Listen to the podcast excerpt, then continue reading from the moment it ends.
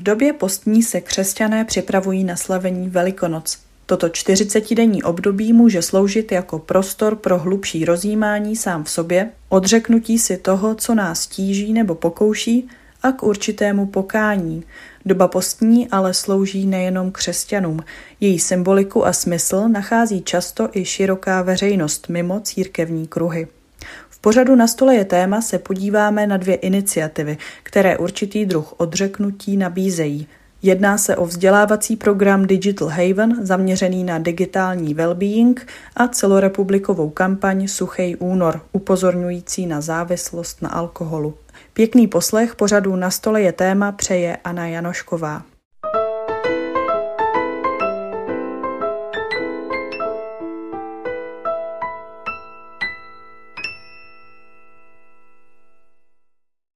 Ve studiu Radia Proglas nyní eh, virtuálně sedím eh, s Barbarou Chlupovou, která je v posledním ročníku psychologie na Pedagogické fakultě Univerzity Karlovy a také spoluautorkou podcastu platformy vzdělávacího programu Digital Haven, eh, která se zabývá něčemu, čemu se říká digitální well-being. Na začátek tě tu zdravím, Baru.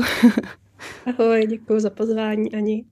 Ještě bych chtěla říct dvě věci důležité pro posluchače a sice ta první je ta, že se s Barčou dobře známe, tím pádem si budeme tykat a e, druhá věc je ta, že tohle na stole je téma má dvě části a sice teď tu první o již zmíněném digitálním wellbeingu, tomu, jak se chovat na sociálních sítích, co je třeba zdravé, co je nezdravé a tak podobně a v druhé části se budeme bavit o iniciativě kampaní Suchej únor, takže určitě vyčkejte i na tu druhou část.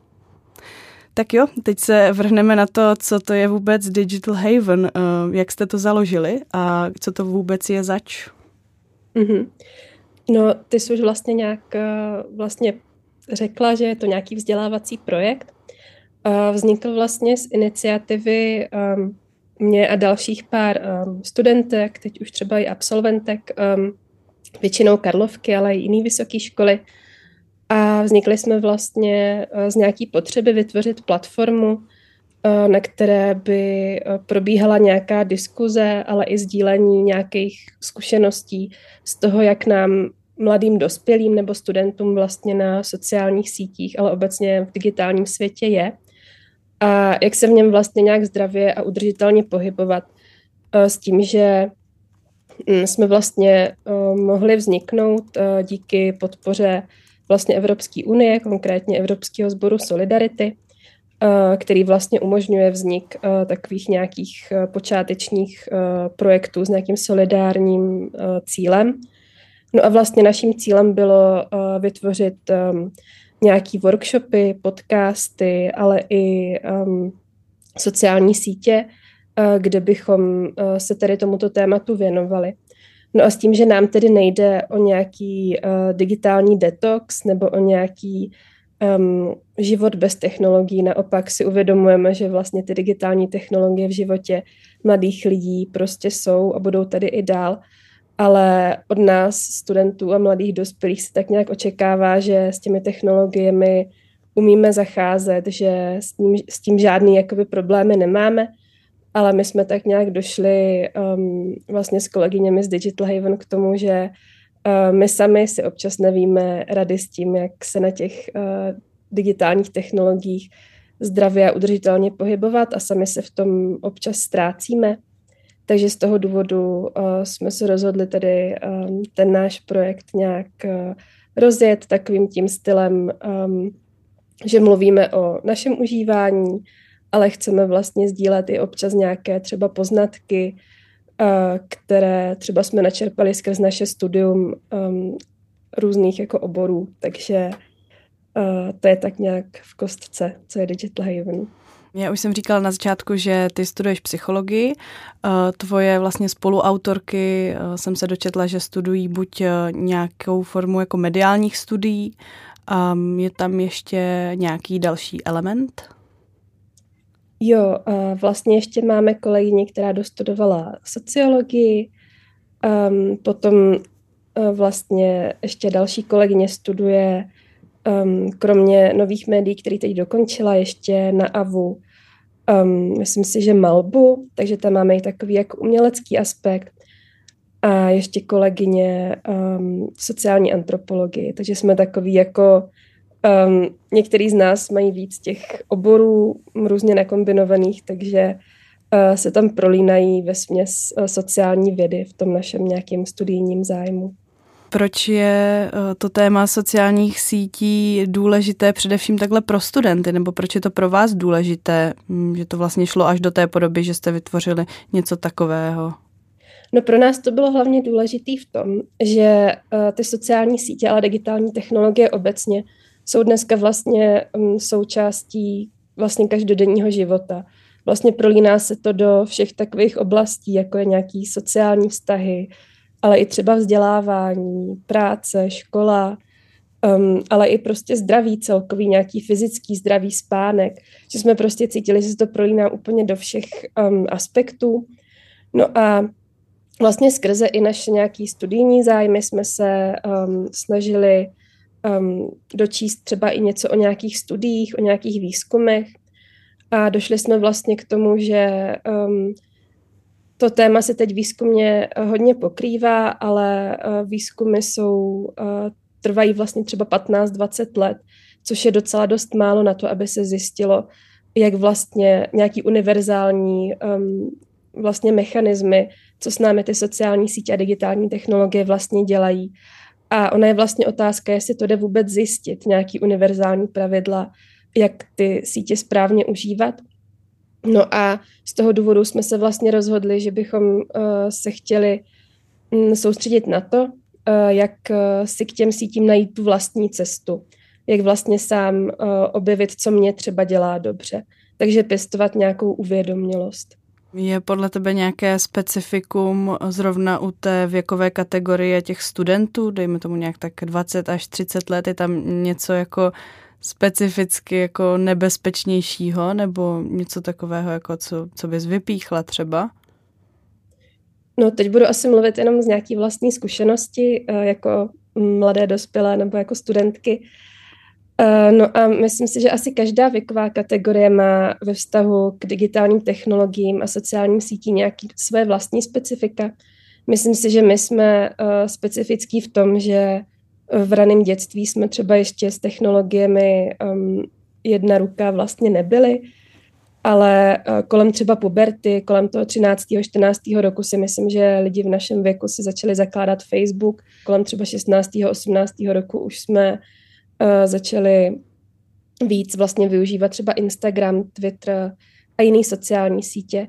Ale jinak to mají třeba mladší věkové skupiny, které vlastně už um, na těch digitálních technologiích um, jsou úplně od batolacího období a ty sociální sítě s nimi se setkávají v mnohem mladším věku.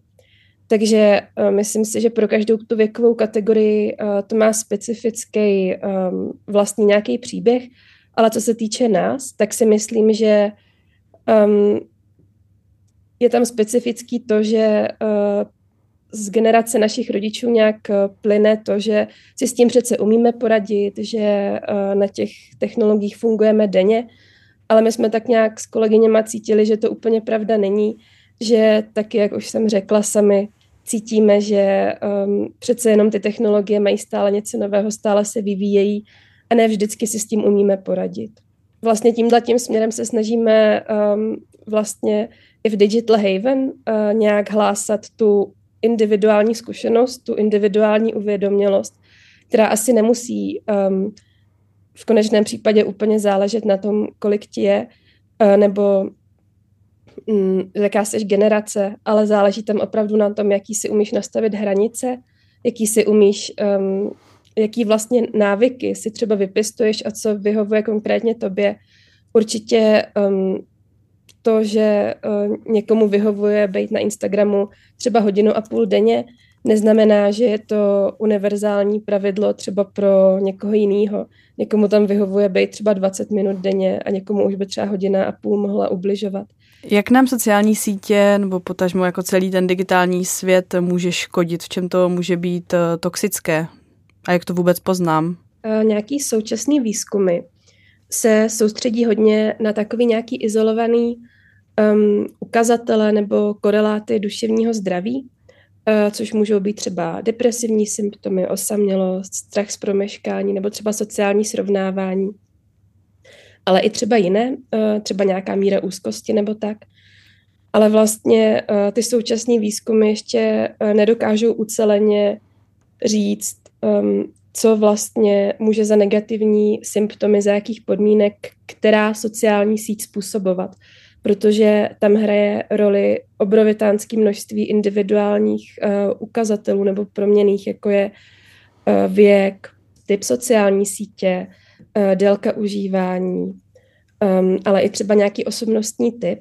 A jak jsem vlastně říkala už předtím, tak uh, ty výzkumy v současné době jsou vlastně hodně na začátku a zároveň uh, mají uh, hodně široko interpretovatelné výsledky, uh, takže asi nedokážu úplně s obecností tedy teď odpovědět na to, čím nám můžou sociální sítě škodit, ale asi bych to vrátila k tomu jednotlivci, k tomu individuálnímu užívání.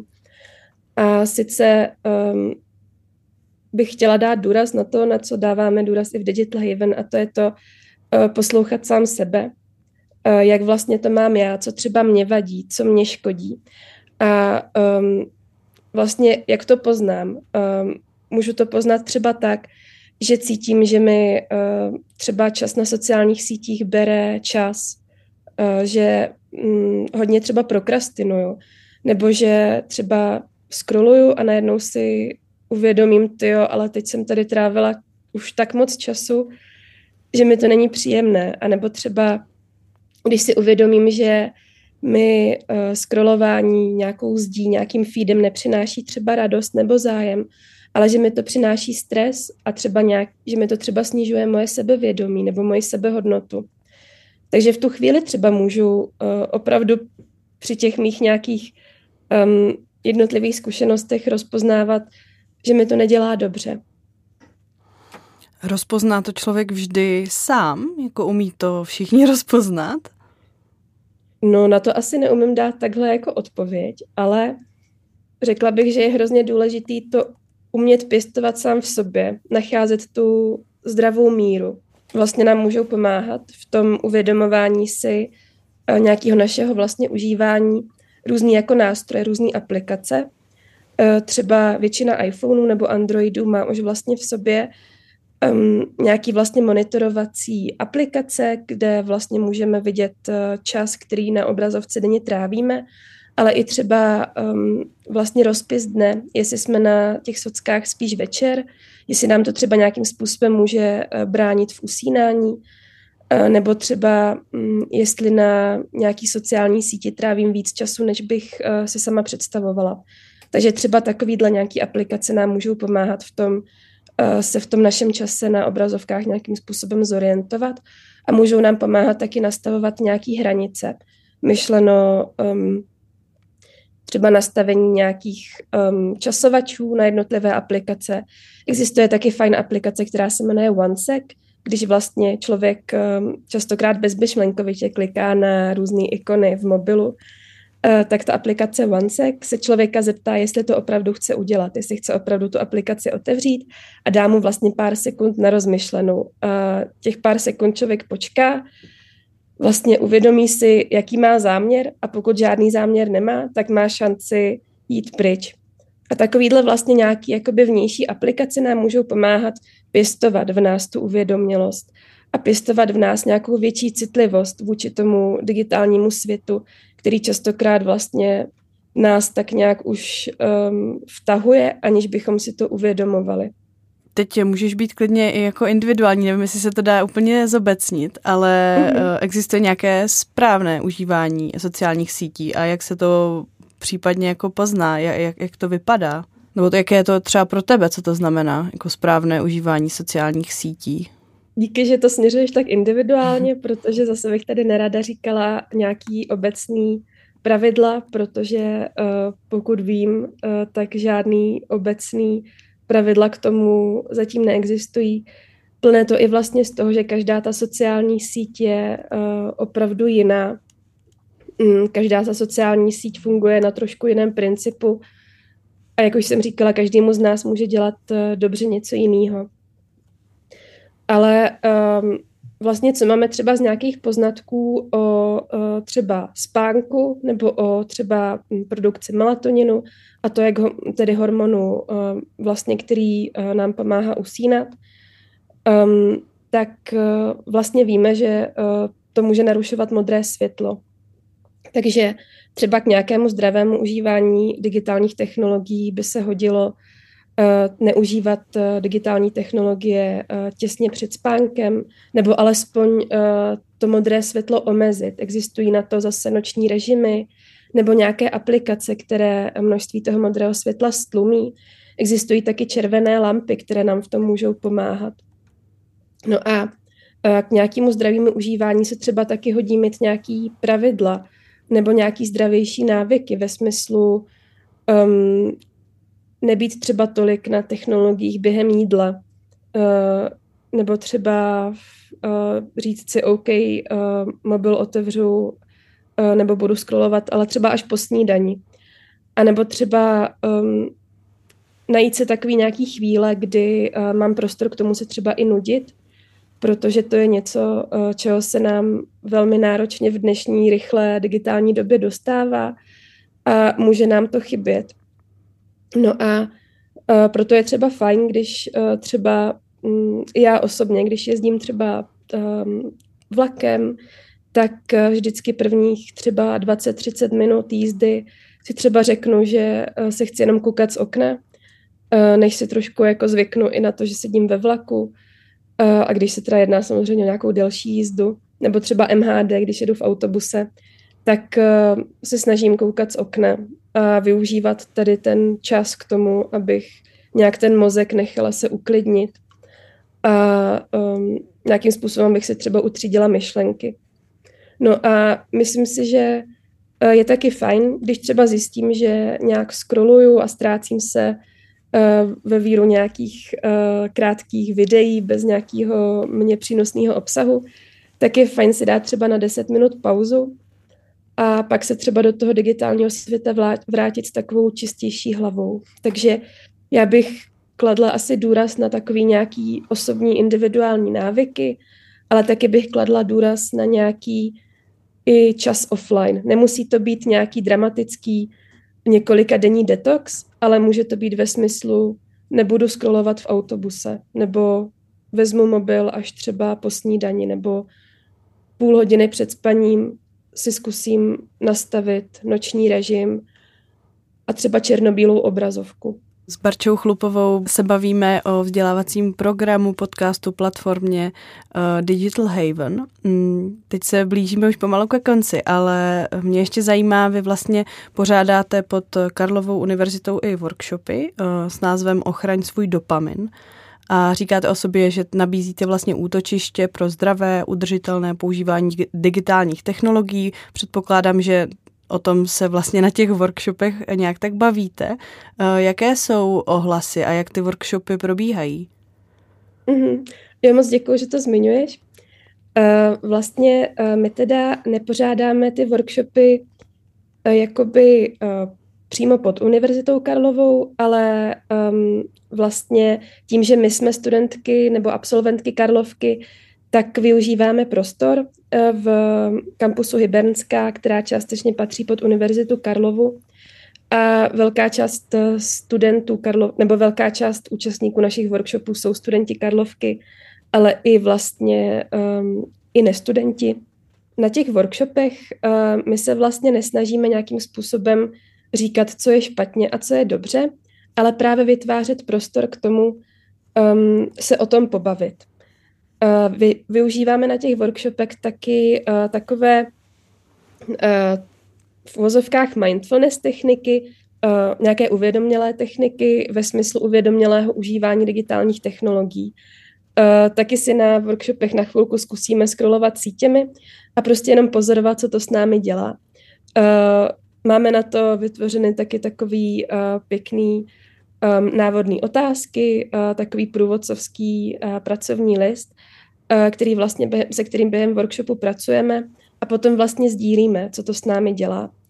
Ten workshop má vlastně celkově tři hodiny. Máme tam taky, taky takový teoretický blok, kde se bavíme o takových těch základních um, pojmech, jako je právě melatonin, jako je spánek, ale taky jako je dopamin, nějaký hormon um, vlastně odměny, který hraje roli v nějakém závislostním chování. Ale a potom k závěru workshopu my se vlastně snažíme vytvořit nějaké výstupy toho, co ta konkrétní skupina um, na tom workshopu sdílela. Uh, co vlastně ta skupina našla jako nějaká řešení, jako nějaké vhodné návyky sami pro sebe. Takže vlastně my ten workshop máme koncipovaný jako takové hledání, proto je tam i uh, přímo v názvu toho workshopu uh, najdi, najdi svůj uh, digitální well-being.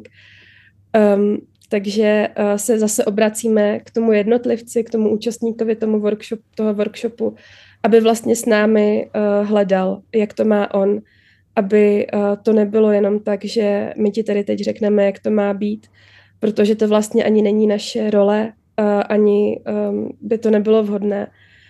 Um, je to bohužel trošku pracné, uh, trošku uh, v tom zapojit uh, vlastní nějakou, um, nějakou energii, nějakou sílu, ale um, my to vidíme v tuhle chvíli jako takový ideální řešení.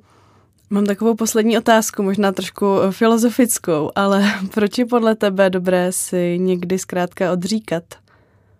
Já si myslím, že když to teď vztáhnu na ty digitální technologie, ale myslím si, že se to dá obecně i vztáhnout na jiné oblasti života, tak eh, že to může vést k nějaké uvědomělosti, že když si člověk eh, něco odřekne nebo něco odpustí, eh, tak může docenit, co ta věc, co ta činnost, co ta aktivita nebo um, třeba ta technologie, kterou zrovna nepoužívá, co mu třeba přináší, ale co mu třeba přináší i to, když uh, se ji teď odpouští nebo když se ji teď odříká. Když vlastně ten proces nějakého toho odříkání třeba může skončit, tak člověk může mnohem lépe třeba nahlédnout, uh, jak uh, dělat tu věc jinak, nebo jak třeba tu technologii dělat, uh, užívat jinak. A třeba lépe, sám pro sebe. To byla Barbara Chlupová, a vzdělávací platforma, podcast uh, Digital Haven. Uh, já moc krát děkuji, že z Tubaru byla a že, že jsme si mohli takhle popovídat. A Taky ať, moc děkuji za pozvání. Ať se vám moc daří. Já jenom pro posluchače doporučuji nebo nabízím, že můžou navštívit vlastně sociální sítě Digital Haven a to jak na Facebooku, tak na Instagramu. Mně se moc líbí grafika a všechno, takže je to i vizuální podívaná. Moc díky. Jenom teda doplním, že Instagram je Digital Haven podtržítko project a stejnojmený máme i podcast. Tak jo, ještě jednou moc díky a měj se hezky. Děkuju, ahoj.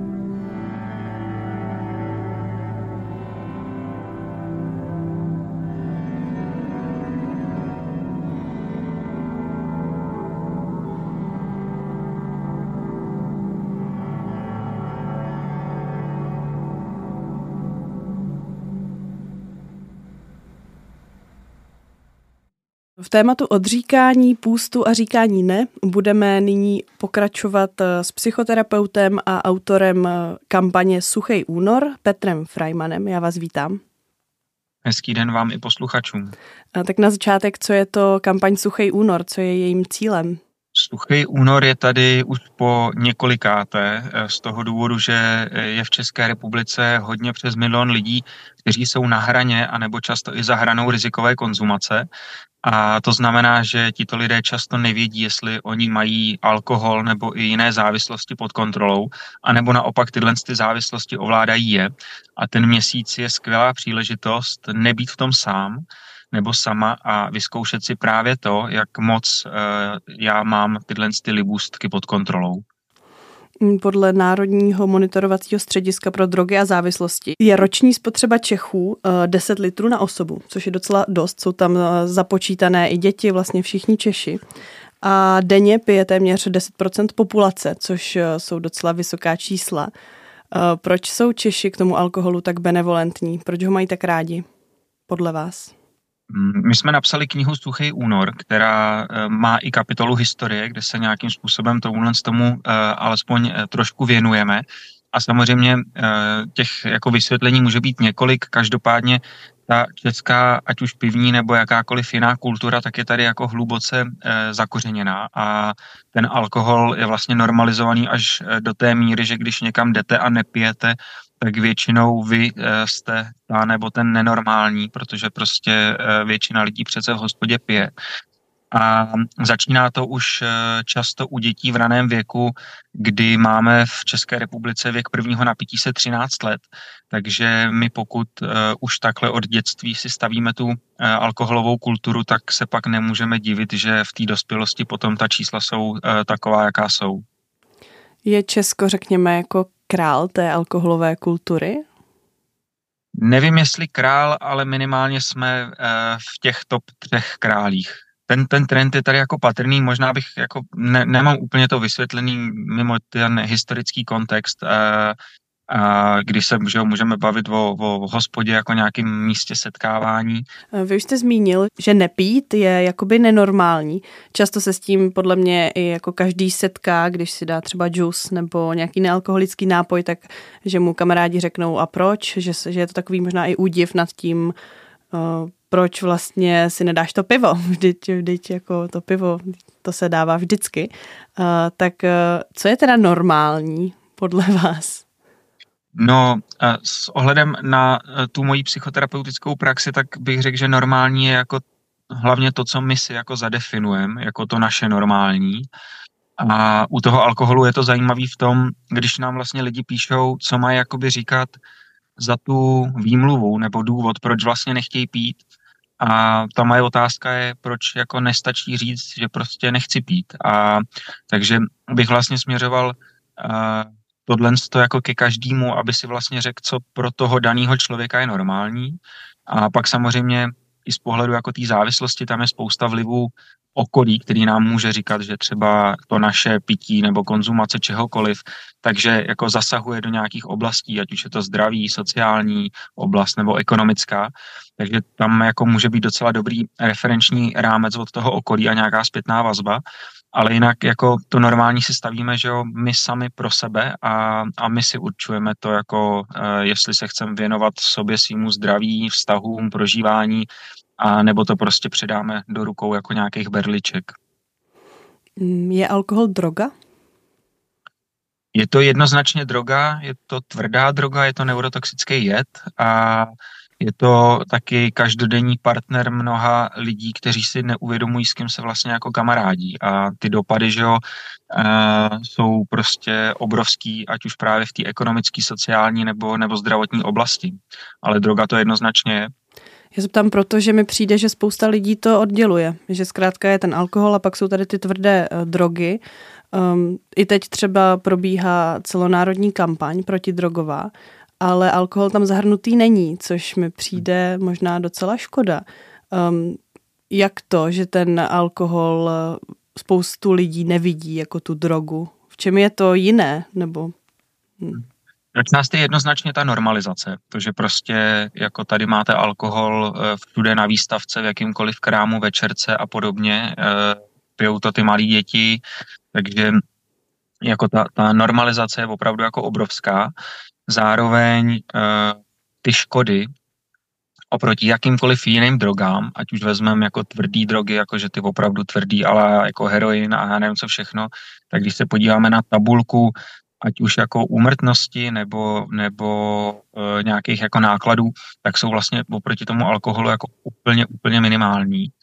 A teď zrovna se teda vybavu, že policie někde sdílela příspěvek toho, že chytla nějakého člověka, který si prostě doma eh, nazbíral v lese a doma nasušil prostě pár houbiček a že neunikne trestu, tak mně to přijde vlastně jako úplně absurdní v porovnání s tím, co tady jsme schopní eh, jako tolerovat vlastně v rámci, v rámci toho alkoholu a těch excesů, co to přináší.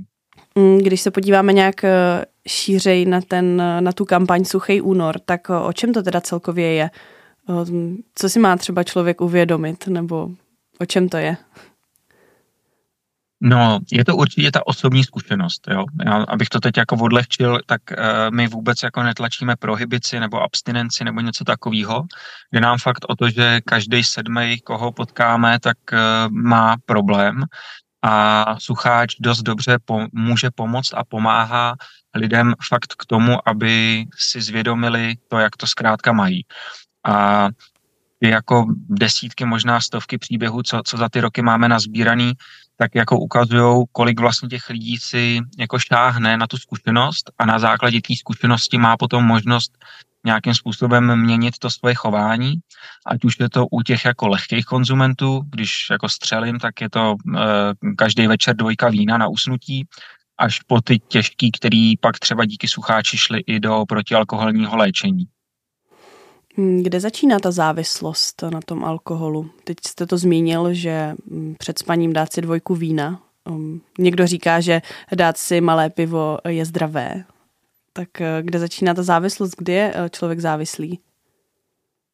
No, eh, existuje takových jako šest jednoduchých kritérií jako adiktologických, kdy pokud naplňujete tři, tak, tak už jste jakoby v tom ranku závislosti. A typicky jako takový jeden z těch znaků je, je třeba vznik tolerance, to znamená, jestli vám v lednu eh, stačilo dát si jedno pivo, tak eh, v březnu už potřebujete prostě tři nebo čtyři. A takovýchhle kritérií je tam jako vícero, takže toto je jakoby jedna cesta ale eh, pak si myslím, že je taková jako mnohem jednodušší a to je mm, právě to, jako si uvědomit, jestli v nějaký z těch tří oblastí, které už jsem zmiňoval, to znamená ta sociální, vztahová, ekonomická a nebo ta zdravotní, tak jestli někde ten alkohol nebo i ty jiné závislosti už nespůsobují prostě e, nějaký vychýlení, a který může prostě deklarovat právě to, že to nemáme nějakým způsobem pod kontrolou, to znamená, vzniká nám ta tolerance, nějakým způsobem hodně bažíme, opouštíme nějaké zájmy kvůli eh, tomu získat tu látku, uh, ukazují se nám nějaké zdravotní komplikace a, a podobně. Pozná to ten člověk sám nebo potřebuje i právě nějaký třeba apel okolí?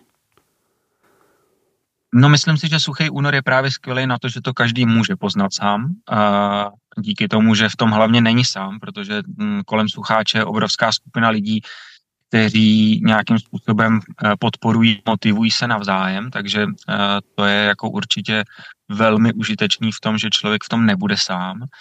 A eh, pak samozřejmě to okolí, myslím si, že jako většinou jedno z těch prvních jako signálů, které jako právě vysílá. To znamená, už jsi zase v hospodě, podívej se, jak si dopad, dopadla, a, a já nevím, spoustu jako dalších věcí. A teď je samozřejmě otázka, jestli ten člověk má tu reflexi a je ochoten a schopen si tyhle ty věci jako připustit k sobě a nějak si o nich jako popřemýšlet. Právě to mě taky napadlo, jak jste, to, jak jste to teďka říkal, že právě to přiznání si toho, že možná můžu mít nějaký problém s tou závislostí, může být možná hodně těžké pro, pro hodně lidí. Tak um, co může pomoct k tomu, aby si to ten člověk přiznal?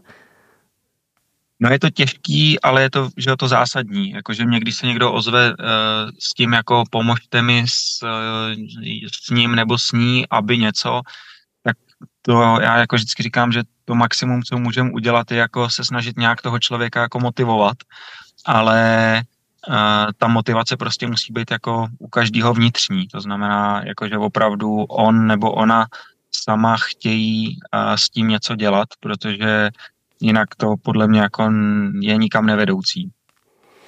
Mm, když se opět vrátím k té kampani Suchý únor, eh, zajímá mě, jestli to v něčem třeba není i kontraproduktivní. Mm, teďka mluvím hlavně o tom, že třeba často se lidé mohou chlubit třeba na sociálních sítích a pak to teda oslavit eh, tím alkoholem v tom březnu, až to skončí.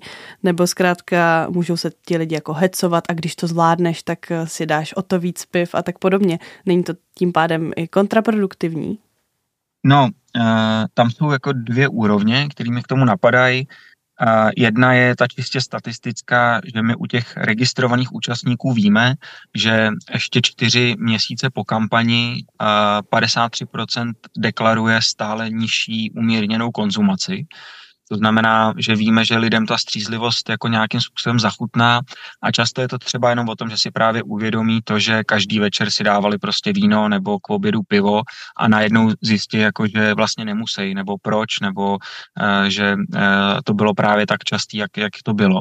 Takže to jsou takovýhle jako jemnosti, které se ale statisticky opravdu jako dějou a propisuje se to pak eh, do konzumace těch lidí, do té umírněné konzumace. A pak uh, jsou samozřejmě i lidi, kteří se jako uh, těší na to, až bude první březen, ale u nich jako taky velmi často nastává právě to, že pak je první březen a oni vlastně jako pít nejdou, protože jako najednou nepotřebujou. A z druhé strany, pokud jsou lidi, kteří uh, to mají tak, že opravdu jako ten únor uh, přečkají se zaťatými zuby a uh, jazykem na vestě a nemůžou se prostě dočkat toho prvního a té hospody tak uh, i takový jako samozřejmě byly a jsou, ale uh, minimálně o pár případech víme, kteří následně, následně na to uh, právě tu svoji jako závislost nebo konzumaci šli řešit, protože pro ně byl ten únor tak náročný, že prostě měli pocit, že ten problém mají. Když jsme u těch čísel, tak jaké máte ohlasy, jak se té kampani třeba i dlouhodobě daří? Víc lidí se zapojuje nebo méně? My jsme zatím každoročně rostli. Loni to bylo podle průzkumu Nielsenu asi 13% dospělé populace, což míří někam k 900 tisícům lidí, kteří deklarovali, že se e, připojili k sucháči a e, zároveň e, ta popularita té kampaně je někde podobně s povědomím o kampani okolo 90%. Takže jako ta kampaň i tím, že se právě nesnažíme nikoho mentorovat, ale nabízíme jenom takovýto průvodcovství, to, aby v tom člověk nebyl sám, aby si to prostě vyzkoušel a pak se mohl sám svobodně rozhodnout, tak i pomáhá tomu, že ta kampaň prostě je nějakým způsobem jako pozitivně vnímaná. Mm, říkáte průvodcovství, jak to potom vypadá v praxi? Mm, jak když, se, když je člověk, který se do toho chce zapojit, eh, zkrátka co může očekávat? Jedna věc je eh, určitě ta skupina na Facebooku, eh, která je volně přístupná a jak už jsem říkal, je to opravdu jako taková silná báze motivace, podpory, ať už ve chvíli, kdy se někomu daří, nebo ve chvíli, kdy se někomu nedaří. A je tam spousta příběhů, inspirace, nějakých třeba receptů, sportu a podobně. Takže to je, eh, to je určitě takový jako eh, vedlejší efekt, ale dost zásadní. A pak samozřejmě lidé, kteří přijdou k nám na stránky, ať už je to uh, suchý únor, suchý únor CZ v Čechách nebo suchý február na Slovensku, tak se mohou oficiálně zaregistrovat. Uh, my pak uh, účastníkům posíláme vlastně uh, jakou celý měsíc průběžnou komunikaci, různé rady, typy, triky a u těch registrací vlastně účastníci podpoří i naši neziskovou organizaci, tak máme potom připravenou spoustu, benefit, spoustu benefitů od partnerů a taky čajový kalendář vlastně na 29 dní, který si každý může zakoupit. Mm, co vás vedlo k tomu eh, tuhle kampaň rozjet? Je tam i třeba nějaká inspirace ze zahraničí, nebo jak vás to napadlo? Eh, napadlo nás to úplně spontánně v roce 2013, eh, kdy vznikla ve stejném roce i mm, ta britská Dry January, naprosto nezávisle na sobě toho času. A v lednu se toho času přemýšlelo, co se dá vlastně udělat ještě pro mužské zdraví tehdy eh, pro mužské zdraví, protože ten alkohol samozřejmě u mužů, eh, i když ženy dohánějí muže, tak u mužů je samozřejmě jako eh, nějakým způsobem četnější. A přišlo téma teda právě na alkohol a únor byl měsíc následující, takže se v lednu rozhodlo o tom, že se v únoru bude sušit. Je tam i nějaká jiná symbolika? Nebo s tím únorem, proč zrovna ten únor. Jsem třeba slyšela i názory, že no tak to je tím, jak si lidé dávají ty, ty předsevzetí, tak zkrátka s něčím novým vstoupit do nového roku. Tohle to bylo opravdu jako spojený s tím plánováním na začátku nového roku a, a těch aktivit a ten únor zkrátka jako do toho vběhnul.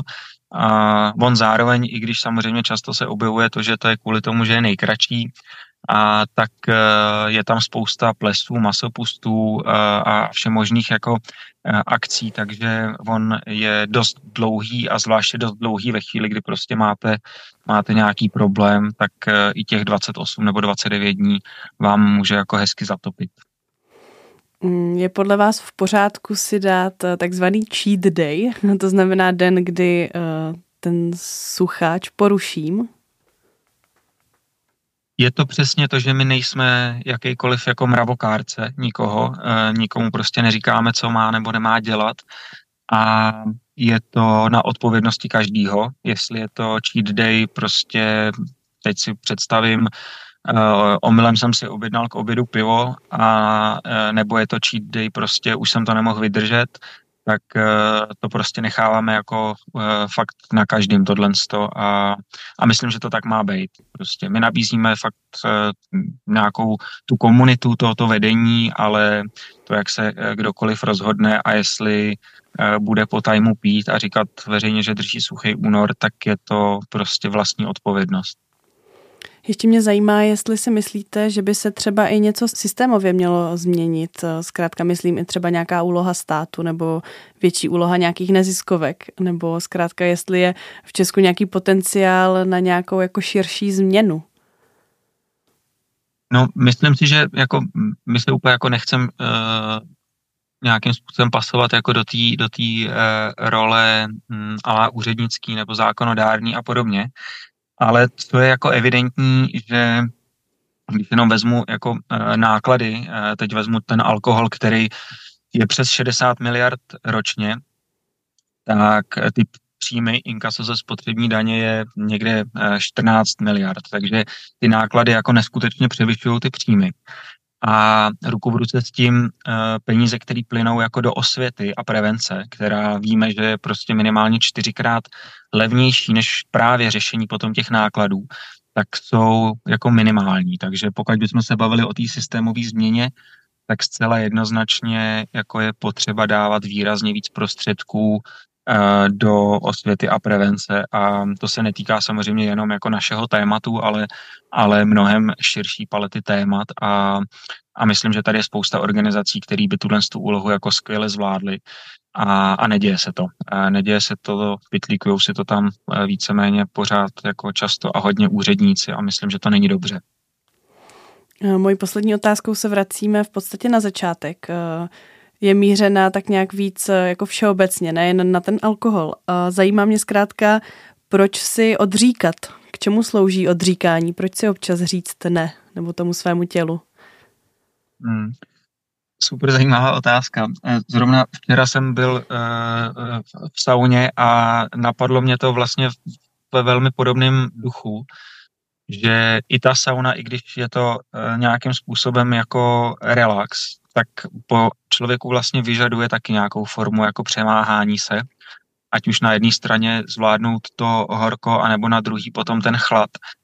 A že to je vlastně nějaký jako velmi přirozený cyklus uh, toho ťahání si jako na sebe. A to nemusí být žádný extrémy, ale zkrátka nějakým způsobem se jako dotknout, dotknout sebe a uh, myslím, že uh, ať už vezmeme ty závislosti nebo vezmeme jako jakýkoliv lidský činnosti, tak to je taková jako součást pro mě přirozeného jako rozvoje a, a nějakého vnímání k, k sobě samému nebo i potom k těm lidem kolem sebe. Takže myslím, že to je v něčem integrální jako součást člověka se dotýkat těch svých jako hranic a, a vědět, kde vlastně i máme, což je možná to nejdůležitější na tom, jako ve výsledku zjistit, kde ty naše hranice jsou.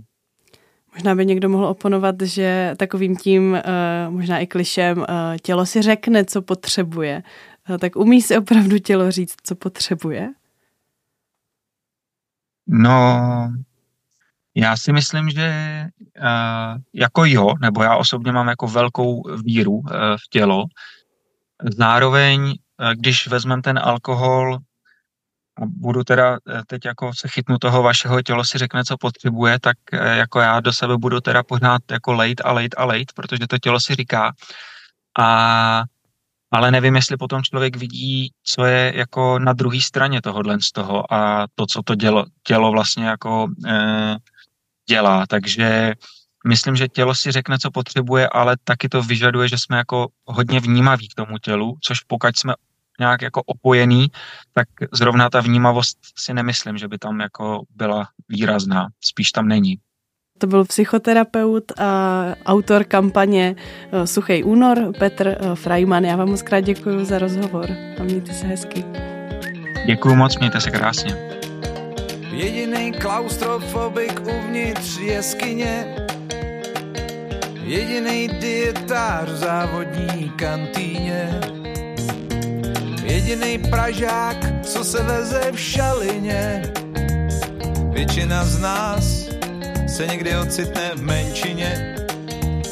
Většina z nás se někdy ocitne v menšině. Jediný aktivista stojící nečině. Jediný outsider v sociální. Jediný, kdo chodí na večírky povinně. Většina z nás se někdy ocitne v menšině. Většina z nás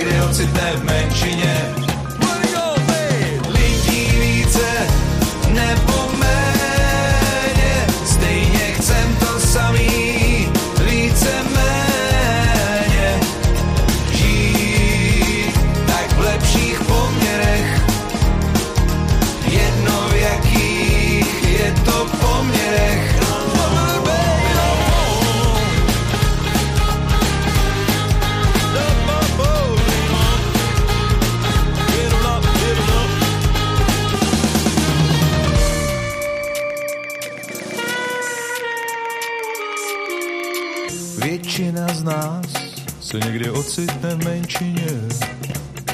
Většinou jsme s většinou, ale mm, někdy ne. Někdy nám už nestačí vyšlapaná pěšina. A ti, co jsou vždy s většinou, těch je menšina, těch je menšina. Lidí více nebo méně, stejně chcem to samý,